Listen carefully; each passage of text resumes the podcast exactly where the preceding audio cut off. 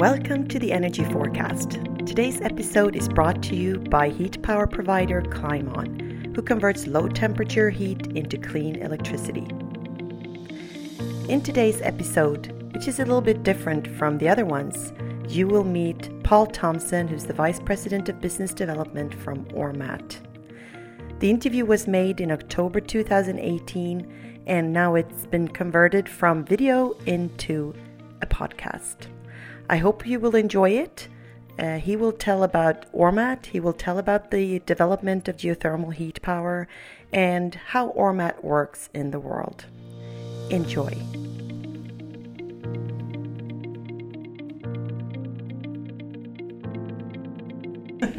Uh, my name is Paul Thomsen. I was with Ormat for about eight years, and then I left uh, to go work for the state of Nevada as the governor's energy advisor for two years and chairman of our Public Utilities Commission. Uh, so I have an interesting perspective because I've been both on the private sector side, uh, working as an advisor to a governor, and as a regulator, regulating the energy industry as it moves forward. I've been back with Ormat now for about a year and a half as we transition from not only being a geothermal company, but working in storage and solar and expanding to be a total renewable energy provider.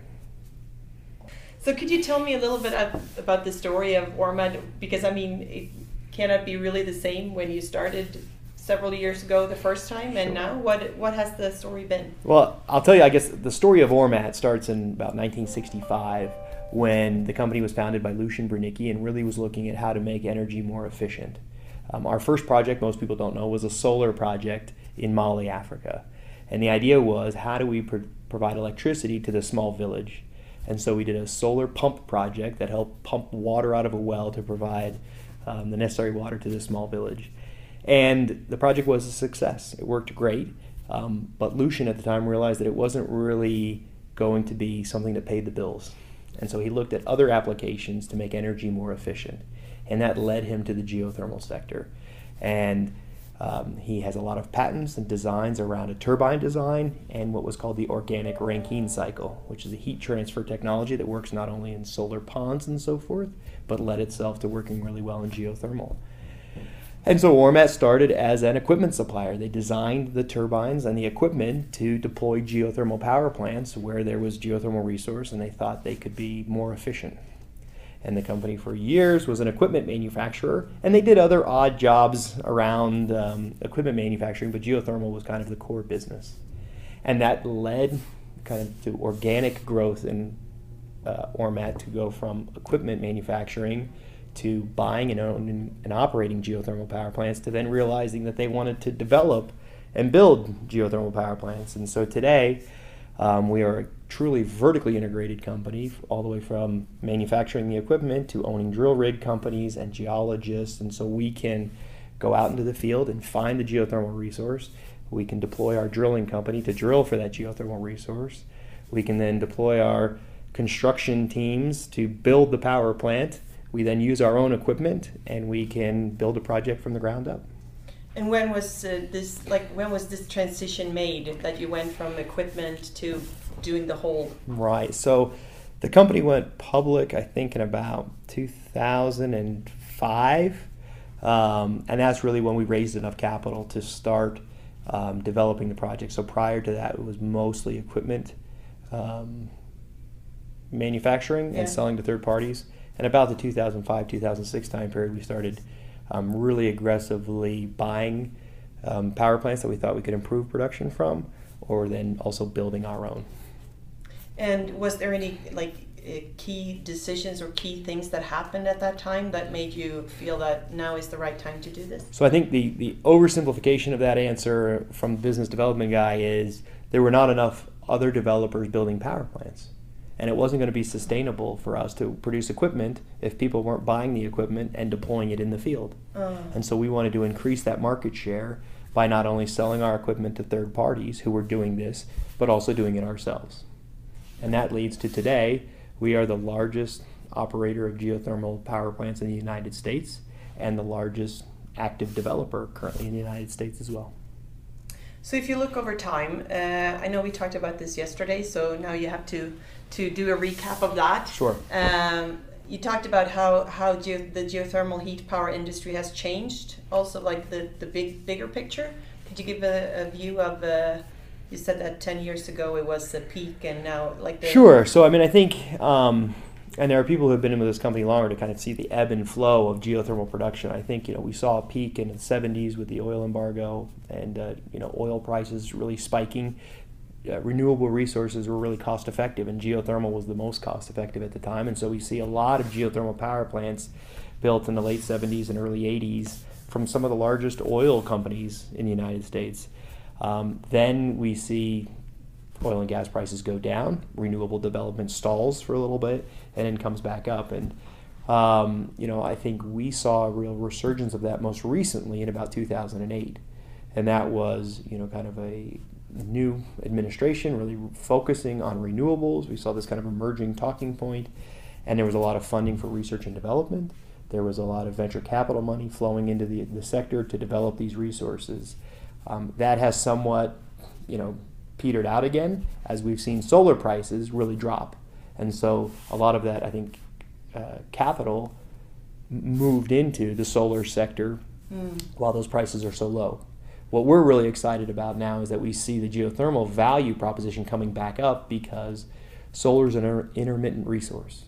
And so when you build a lot of it, at some point it becomes uh, worthless to build more of it if you're just stacking new solar on top of old solar projects Mm. and you can't produce power in the early morning when you need it or in the early evening. Mm. So we've seen, for example, in California, they deployed 19 gigawatts of solar in the last decade. An unbelievable success story for the deployment Mhm. of solar. But now, new incremental solar is worthless to them. Mm. And as they try to meet a 60% RPS or a 100% renewable portfolio goal, Mm. they need carbon resources that are flexible, that can provide power at night, in the morning, in the Mm. evening, and help them with the ramp Mm. and that's leading them back to geothermal. And we're Mm. seeing the amount utilities are willing to pay for that geothermal increase. And we're thrilled because we're seeing new contracts that we've never seen. Mm. And Ormat recently signed the biggest contract it's ever signed, 200 megawatts with the Southern California Public Power Authority to develop to deliver geothermal resources to them. Mm. So you know, I think like anything, the, the market kind of Yeah. ebbs and flows, and I think this is a really exciting time again to see. Um, we've we've survived, let's say, the the low cost solar boom, Yeah. and we're seeing geothermal still has a place, or, or heat power still has a place in this market uh, moving forward. So what do you think to, to make it not go uh, to to make To boom and bust, Yeah, to go to, to continue. What is needed? you know, I think every location has its own story to tell. Yeah. Um, you know, Nevada, for example, you know, just the two states. Nevada's kind of interesting because it developed geothermal very early on and has a lot of it. And so I don't think we're going to see that big intermittent duck curve that you showed earlier because they have capacity resources. They, they're primarily all natural gas and geothermal. So they're going to bring on solar slowly, and we're going to continue to kind of have both of them built at a normal pace.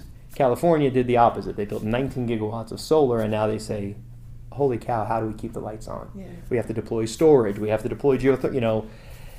And other countries are looking at the same thing. And so, you know, Ormat is an international developer. We are working with places like Honduras and Guatemala and Latin America and so forth, and showing them, frankly, the California story and saying, you know, you need to be a little forward looking. Don't buy the lowest cost, cheapest thing because it may lead to actually costing you more money if you over procure something you don't need. Mm. And also putting all the the eggs in one. Sure. Yeah. The, the analogy I like to use here is uh, we have a store called Costco. Are you familiar with Costco? No. Okay, so it's a it's a wholesale store that Yeah. sells um, things in a massive quantity at a discount because then you get to store the inventory and not them. Yeah. So the joke is, you know, if you want to go buy a bar of soap, you can't buy one; you have to buy twenty of them. So you go to Costco, you can't get out of the store without spending a hundred or two hundred dollars, and then you go home and you go, "What am I going to do with twenty-two cans of soup or fifteen bars of soap?" And that's kind of what happened with the solar industry in California. They just overbought so much of it, Mm. and you know that fifteenth bar of soap isn't as valuable as the one you need today. Mm. That's true. So if but if you look forward, what do you think? Like, uh, for, because are you working primarily with the states, like the United States? Yes. Your your market is the United Yeah. States.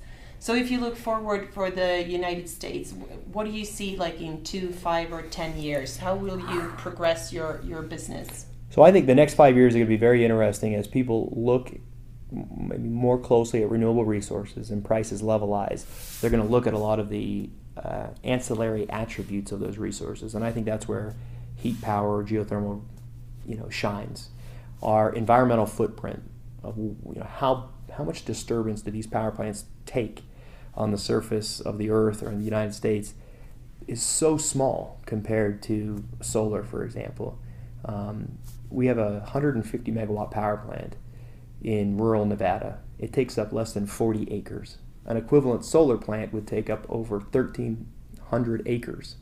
So it's like 22 to 1 footprint in size. People are going to start to take pay attention to that. The flexibility, the, the ability of geothermal to be there at night or to ramp up or ramp down when you need that resource is unparalleled for no, non-carbon resources. Mm-hmm. And when that story starts to get told, people are going to say, "Wait a minute! If I'm trying to replace the natural gas plant that ramps up and down, what are my choices that are carbon-free?" Mm-hmm. Solar and wind can't do that. Hydro can do it if you have a if you have a dam, but it's getting harder and harder, if not impossible, to build new large-scale dams in the United States. Mm-hmm. And so this is where geothermal is going to start to fill this void as we move forward and become you know more savvy on energy. Yeah. I, I don't want to overthink it, but I think people, you know, chase the least cost resource. And when it was oil and gas, they went after oil and gas. And when it was renewables and geothermal, they went after geothermal. And then when it was renewables and solar, Yeah.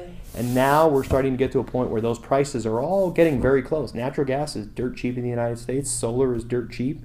Geothermal prices are getting, you know, below seven cents we're going to get to a place where you start to look at not just the price, but all of the other environmental attributes. And when you mm. put those in place, I don't think there's any better better resource for the environment than geothermal.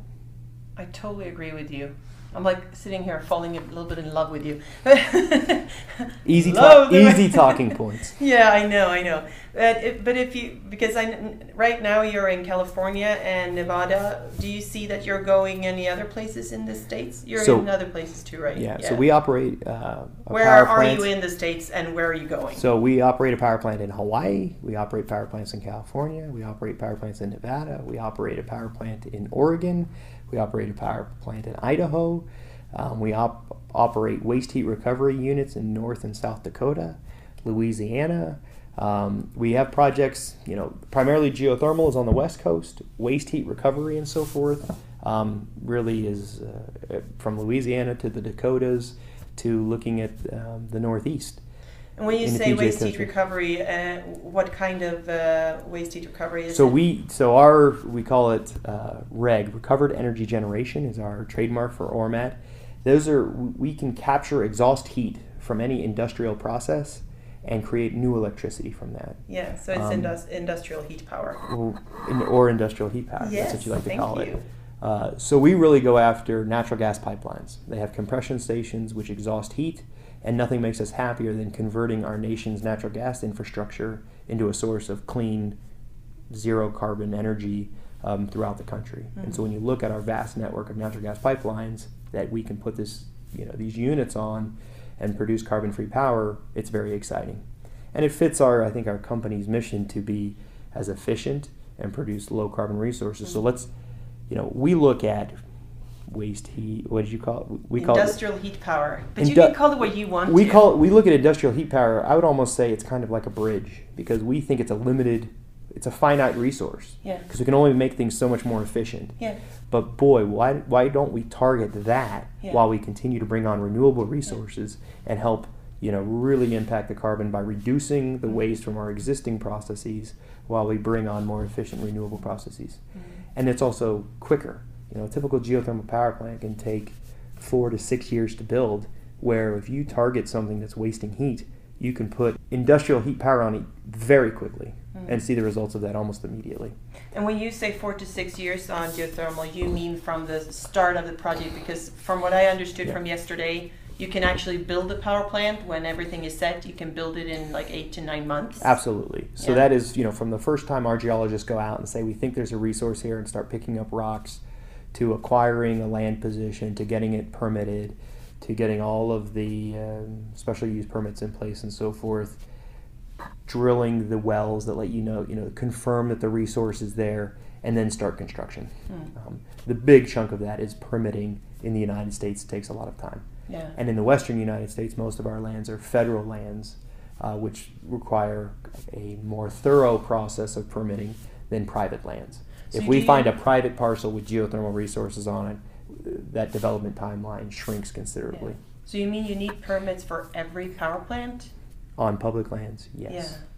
And to give you an Um, idea, the state of Nevada, 90% of the state of Nevada is publicly owned by the federal government. Okay. So it takes a lot of time. That's, you know, but that's, there are other projects or resources we find on private lands and so Yeah. forth. So if we go to back to the industrial heat power, uh, because I'm interested to know, uh, since I've heard from other parties in this industry that sometimes when you go to like natural gas or whatever, it's uh, it's not the choice by going with you or with someone else. Is the choice is going either not doing it at all or doing it. What uh, what are the biggest obstacles or what are the, the enablers Sure. in in, uh, in going forward with that? What do you need? So in our experience, you know, in, in my experience in the last decade, it's absolutely the um, getting them to not uh, look at doing business as usual. And when you have an, uh, an industrial process, the industry behind that process typically is very good at whatever that is, whether it's mining for gold, whether it's moving gas from point A to point B, or whether it's creating cement. That's what they do, and that's where they make their money. So when you go to address them and say, we want to capture that waste heat, give you additional revenue, you have to get over the hurdle of, you know, is the amount of money they're going to make from that big enough to get them to not do business as usual, or is there a regulation or changing environment that makes them, you know, more cognizant of that? Our experience on the Northern Border Pipeline was this was a utility that was primarily coal based, concerned about pending environmental legislation called the Clean Mm. Power Plan. Mm. And so they saw this as a way to get you know close to 50 megawatts of additional generation with no um, emissions Mm. that would offset or you know dilute their current carbon emissions. Mm. And that was a big enough motivator for Mm. them to put these units in. An individual cement plant or something, you know, it's a little harder because Yeah. they're not too concerned about the emissions from their one facility, and so that needs to be, you know, how quick is the payback? What's the revenue I'm going to make from that? And you know, a funny What story like I like to tell about a cement plant is, you know, we we closed the contract with them. We were going to put on our unit and you know to capture this waste heat, and we had to drill a hole through a wall, an old concrete wall, and they said, you know, this cement building is hundred years old. If you drill a hole through that wall, whose responsibility it is if it collapses? And we said, not ours. And they said, well, it's not ours either. So it scuttled the project. Something as simple as how do we get through a hundred year old brick wall? And so those are the kind of you know unknown impediments um, that you see when you when you try to go you know in some of these processes. But if you look at the like the general from your experience, the general ROI on a project like uh, like indu- Yeah. for industrial heat power, because I mean that must be It needs to be under five years. yeah, it needs to be under five years. Yeah. the impediments to doing Yeah. a project. I mean, I think you know um, another one for the natural gas industry is, you know, will your process potentially take my natural gas pipeline out of commission? Because if there's any risk of me not being able to move however million metric tons of natural gas from point A to point B or uh, maybe British thermal units, uh, that risk to them is too high. Hmm. And so, you know, we've we've had to really try to put in safety valves and check, you know, one-way check valves and kind of say there's absolutely no way that can happen. But it's still a hard uh, sales pitch to someone who says, you know, my whole job relies But on getting you- gas how- from point A to point B. If your How do process you prove it- that? How do you, well, we have operating units. We can go Yeah. show them, and we have, um, you know, we um, we are capturing waste heat coming out of an exhaust pipe, and we can show that if something goes amiss with our process, we can uh, not create back pressure and let that exhaust continue through our system with a bypass valve, and nothing will interfere with their Yeah. existing operations. And uh, it's a lot of hands-on. You take them out to a power plant, you let them see it, and then you have to weigh that we want to build this newfangled thing on your you know site, and this is what you're going to get from it. Hmm. And sometimes that's compelling, and sometimes it's not. And sometimes it's it's a it's the accumulation of all those things. Mm-hmm. Your ROI, you know, you're going to get this much royalty or this payment. We're going to get it to you this quick. Oh, and your state or the federal government has these regulations that you're going to look like a superstar in. Mm-hmm. And if you layer all of those mm-hmm. things, sometimes you have a very compelling case. Mm. Now I want to go back to the geothermal. Okay. Because we talked about yesterday uh, about what is needed for if if we were to do geothermal all over the world, which is like uh, utopia. Yep. Uh, but if we were, uh, because you, I'm thinking you talked about the the R and D. We do geothermal all over the world. Yeah, I know, but yeah, but you know what I mean. Like in every, it's hard to do geothermal heat power in Sweden. Okay. To, yeah, because you need to drill so deep. Deep. Sure. So you talked about yesterday about how we need to put resources into R and D. I, I like that whole speech you did yesterday. Do you remember it? I'll try to do it again. Yeah. Do you so remember? you just reminded me of two things. So the first thing I would say is, you know, I think you've just touched on one of the selling points of geothermal, which is when you produce power. Um, 24 hours a day, you know, with it seven days a week, 90% capacity factor, you can, you don't have to build as many power plants as you would if you have a resource like wind or solar that's intermittent. And so the beauty of it is we don't have to put a geothermal power plant in every country around the world. We can build really efficient ones where there's great resources, but probably provide enough power for all the people in the world. And that's a nice smaller footprint and disturbance from the power plants. Um, but how do we build more geothermal power plants? And what we talked about yesterday was, you know, our position at Ormat is that the power plant itself, people are very good about uh, working on and making more efficient. And companies, you know, all of the ones that are going to be at the GRC, from um, you know General Electric to Ormat to Siemens to you know, Mitsubishi. These people make turbines and power plants better than anybody in the world, and continue to spend money to do it. Where we see a lack of funding in the industry is in subsurface research. How do we drill and find these geothermal resources cheaper and more efficiently. Um, the oil and gas industry has some great technologies to use, but they're incredibly expensive. If we deploy them in geothermal, we'd have to charge so much money for the power uh, to you know recoup the cost for the power plant that it becomes uh, not cost effective. And so that is where we've seen research and development money spent by not only our federal government but other federal governments and so forth that have really made an impact. Because if you can target that resource and find it and lower the cost of getting to it or drilling deep to it, uh, you've really changed the paradigm because we know what the power plants on the surface cost.